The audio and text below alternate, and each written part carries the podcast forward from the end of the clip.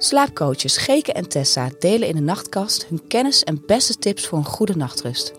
We stellen je graag gerust omdat iedereen weer beter kan leren slapen. De nachtkast is lekker kort, want je hebt meer belangrijke dingen te doen, zoals slapen. De vorige afleveringen gingen over de route naar uitgerust wakker worden. Dit zijn goede slaapgewoonten, onmisbare kennis over slaap en wees lief voor je bioritme. Deze aflevering gaat over voorkom woelen en wakker liggen.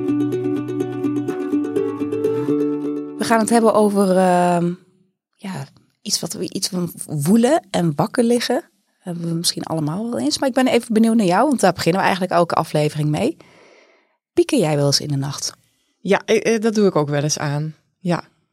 Als ik dan eventjes wakker ben en de slaap komt niet eh, meteen weer terug, dan pieker ik wel eens. Mm de laatste keer, wat ik me nog herinner, was niet eens zo heel lang geleden. Ik hoorde vreemde geluiden buiten. Oh ja. En mijn hoofd ging meteen bedenken wat dat zou kunnen zijn. Um, ja, en toen kreeg mijn hoofd ook een beetje gelijk. Ik hoorde allemaal brandweergeluiden ook. Nou, toen ging mijn hoofd best wel op hol van wat zou er aan de hand zijn en uh, waar is het ongeveer. En ik, ik, wilde eigenlijk even gaan checken waar het was. Maar dat heb ik toch maar niet gedaan, want dan uh, weet ik al zeker dat ik heel lang ja. wakker blijf. Um, dus toen het rustiger was, ben ik gewoon verder gaan slapen. Nu is het iets externs wat er gebeurde eigenlijk. En heb je het ook wel eens dat je gedachten met je aan de, aan de loop gaan? Zeker. Ja, bijvoorbeeld over dingen waarvan ik vind dat ik ze niet zo goed heb gedaan. Mm -hmm. Of de dingen die nog die nog gaan komen. Oh ja. En um, ja, ik weet zelf eigenlijk ook wel hoe dat dan werkt met dat piekeren. Dat je daar s'nachts heel erg goed in zijn. Dus dat helpt wel. Ja, want hoe, uh, hoe kunnen we nou anders omgaan met gedachten, gevoelens en, uh, en piekeren? Dat is dan ook de tweede A. We hebben natuurlijk ons slaapstappenplan. Elke letter staat voor een bepaald thema. De vorige letters hebben we al behandeld in de vorige afleveringen. En vandaag gaan we het hebben over atlas van jouw brein. Hey Tessa, er zitten drie factoren hè? uh, spelen daarin een rol bij het ontstaan van een, van een slaapprobleem. Daar ga jij wat meer over vertellen. Nou, het ontstaan van, uh, van slaapproblemen, dat is eigenlijk nooit maar één ding. En dat is misschien ook wel goed om te vertellen dat er ook niet daarom één ding is om je slaapprobleem op te lossen. Dus er is geen quick fix, want ook de oorzaak is eigenlijk een combinatie van factoren. dus er is niet één specifieke oorzaak waardoor je ineens niet meer slaapt. Um, dus voor de mensen die daar naar zoeken, daar mag je eigenlijk gewoon mee, mee stoppen.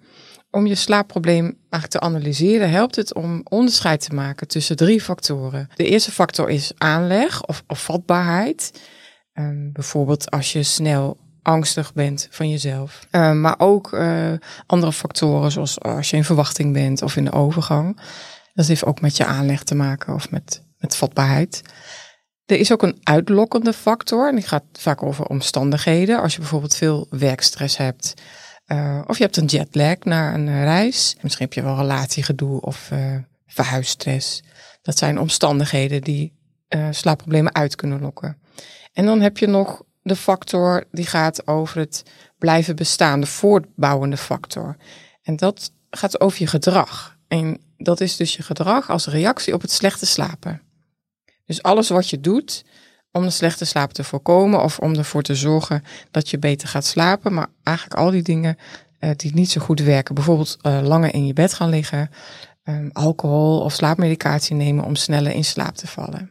Dus we hebben de, um, de eerste factor is aanleg of vatbaarheid. De tweede, dat is de uitlokkende factor. En de derde is de voortbouwende factor. En uh, die voortbouwende factor, dat gaat dus over je gedrag. En die reactie op je slaap, op je niet kunnen slapen, daar heb je invloed op. En je gedrag kun je veranderen. Dat is dus waar we ook vooral in ons boek De Slaapgids aandacht aan geven. Uh, je kan anders leren omgaan met de gedachten en gevoelens die je hebt, ook over je aanleg en over de uitlokkende factoren.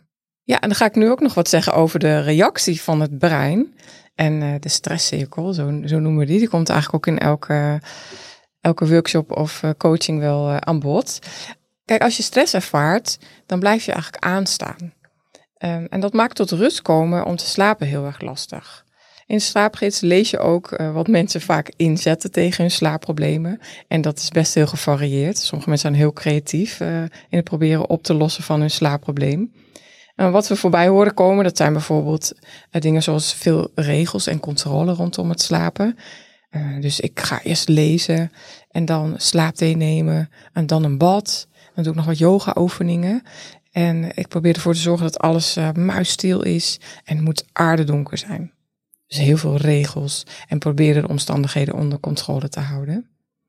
En wat we ook zien is dat ja, het wakker liggen, dat is eigenlijk heel erg vervelend, dat je dat uit de weg uh, gaat. Dus echt vermijden van wakker liggen.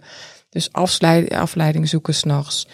Dus uit je bed gaan. Misschien wel je telefoon erbij pakken. Of een boek of iets gaan luisteren. En wat we ook zien is dat mensen gaan ja, vechten noemen we dat eigenlijk. Hè? Misschien niet heel letterlijk, hè? niet de bokshandschoenen oppakken. Maar wel dat je oorzaken gaat uitpluizen. Of oplossingen gaan bedenken. Misschien wel tijdens dat wakker liggen. Dat je dan heel hard gaat werken om oplossingen te bedenken. Nou, en om goed te kunnen slapen is het nodig om een andere afslag te nemen. Dan dat je dus normaal gesproken doet. En het is ook mogelijk om een nieuwe weg in te, in te tekenen op je vaste routekaart. Ja, ons brein kan prima veranderen. Maar hij heeft wel een beetje last van uh, koudwatervrees. Ons brein maakt uh, graag van een mug een olifant. En zodra je hiervan bewust bent, dan kun je die olifant weer van je schouders laten glijden. Dat lucht op. Ja, dat lucht zeker op, inderdaad. Je hebt het over die, die stresscirkel. Hoe, uh, hoe draait die? Nou, als je overdag behoorlijk wat op je bordje hebt, Um, dan zorgt eigenlijk stress ervoor dat je optimaal aan al die taken toekomt. Dus mm eigenlijk is heel positief. Hè? Dat is iets heel moois van ons systeem. Je wordt extra alert. Je hartslag gaat een beetje omhoog. Je bloeddruk gaat een beetje omhoog. Je gaat wat sneller ademen. En je spierspanning is eigenlijk klaar voor actie. hartstikke mooi systeem. Maar aan het eind van je dag staat die stand eigenlijk nog steeds op. Dus je bent best heel alert.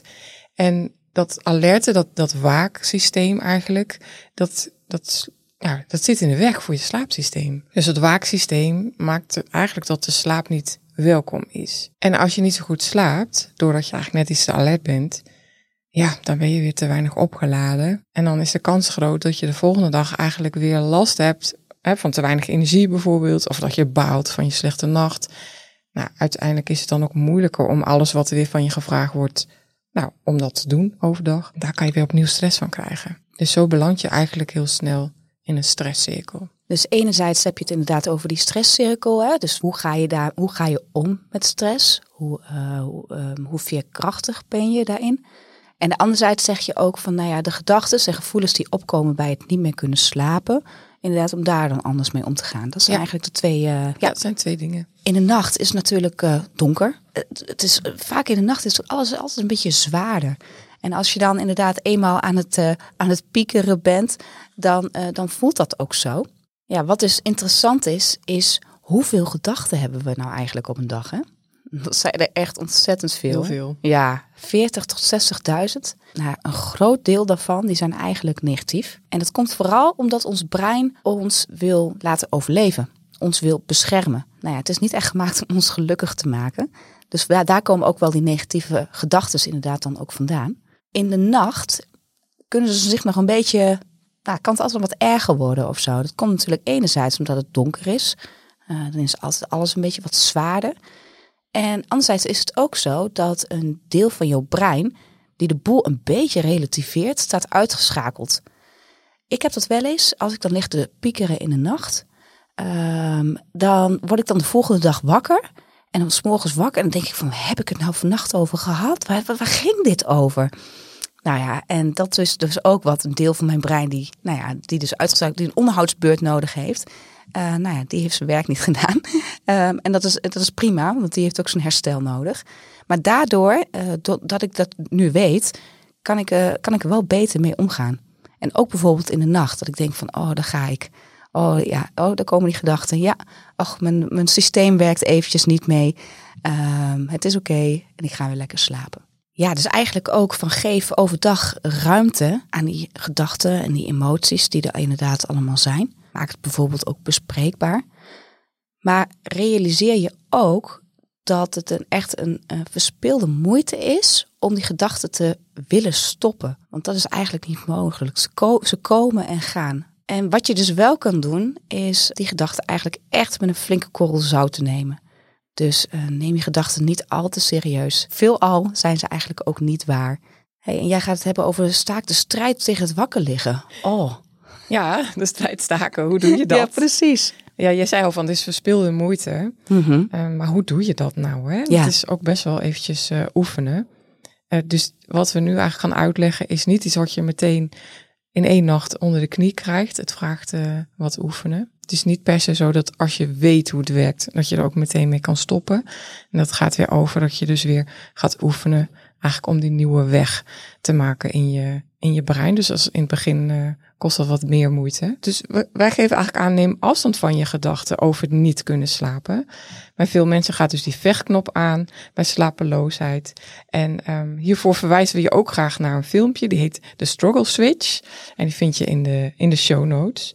Maar hoe doe je dat nou? Je doet eigenlijk als je gedachten um, opmerkt, die gaan over vechten eigenlijk. Van ik, ik wil nu niet wakker liggen. Of misschien wel ook zorgen maken van hoe moet het nou morgen. Dan kan je je verstand eigenlijk gewoon bedanken. Want hij doet zijn werk en um, hij attendeert je op mogelijk gevaar.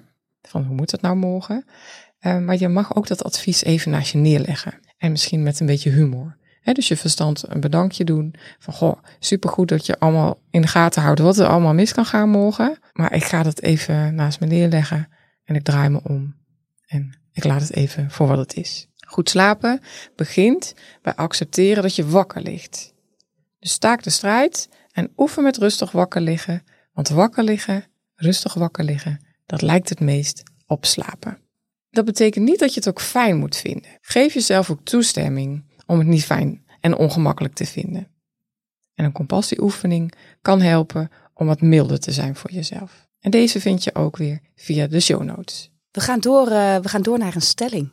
Um, slaap laat zich door niets of niemand temmen. Ja, dat klopt wel wat je zegt, denk ik, Reken. En ook wel goed om even te laten doordringen, toch? Ja, zeker. Ja. Het overkomt je, hè? Slapen overkomt je, ja. Uh, want het is een natuurlijk proces, net zoals ademhalen, kloppen van je hart. Als je heel hard je best gaat doen om in slaap te vallen, uh, dan kun je dat eigenlijk vergelijken met worstelen in drijfzand. Hè? Dus dat kost superveel energie en het wordt alleen maar erger. Ja, en hoe frustrerend het ook klinkt, hè? een goede slaper doet niets om goed te kunnen slapen. Ik ga nog even wat voorbeelden uit de praktijk geven. Een voorbeeld over vermijding en een voorbeeld over controle. Die komen allebei wel veel voor. Als ik het heb over vermijding, dan denk ik aan bijvoorbeeld een spelletje doen op je, op je telefoon. Uh, om een vervelende ervaring van het wakker liggen te vermijden.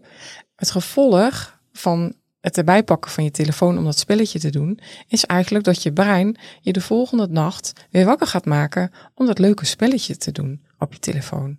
En dat is natuurlijk helemaal niet wat je van plan was, want je plan was slapen. Een voorbeeld van controle is dat je probeert om alle prikkels en allerlei ervaringen van overdag uit de weg probeert te gaan.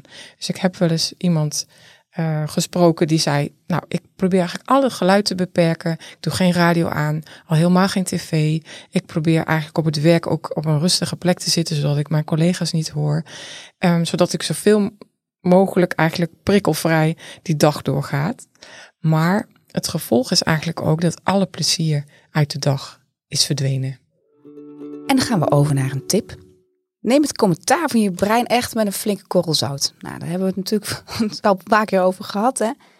Het zijn taken, taken van je verstand om je te behoeden voor, voor fouten, uh, teleurstelling, falen. Maar het heeft zeker niet altijd gelijk. Ja, het is gewoon geschikt om je te helpen overleven, niet om je gelukkig te maken. Dus uh, we kunnen wel concluderen dat ons brein niet echt een feestbeest is. We hebben een boek geschreven, De Slaapgids. Het helpt je om je eigen slaaproute te ontdekken. Het boek is overal verkrijgbaar en ook rechtstreeks bij ons. We sturen het graag naar je op. Je kunt het vinden via www.deslaapgids.nu boek. En de slaapgids is ook als e-book verkrijgbaar. Dat is handig voor als je op vakantie gaat. Bekijk de show notes voor meer informatie over deze aflevering en hoe je ons kunt bereiken. We horen graag van je terug wat je van deze aflevering vond. Hopelijk helpt deze aflevering te voorkomen dat je woelt en wakker ligt. We vertelden je over het ontstaan van slaapproblemen, stresscirkel en reactie van het brein, eerlijk kijken naar wat jou wakker houdt, het staken van de strijd tegen het wakker liggen en je nieuwe blik bepalen op de nacht. Nu we weten dat we ons brein en al die gedachten niet altijd serieus hoeven te nemen, ontstaat er meer ruimte voor plezier.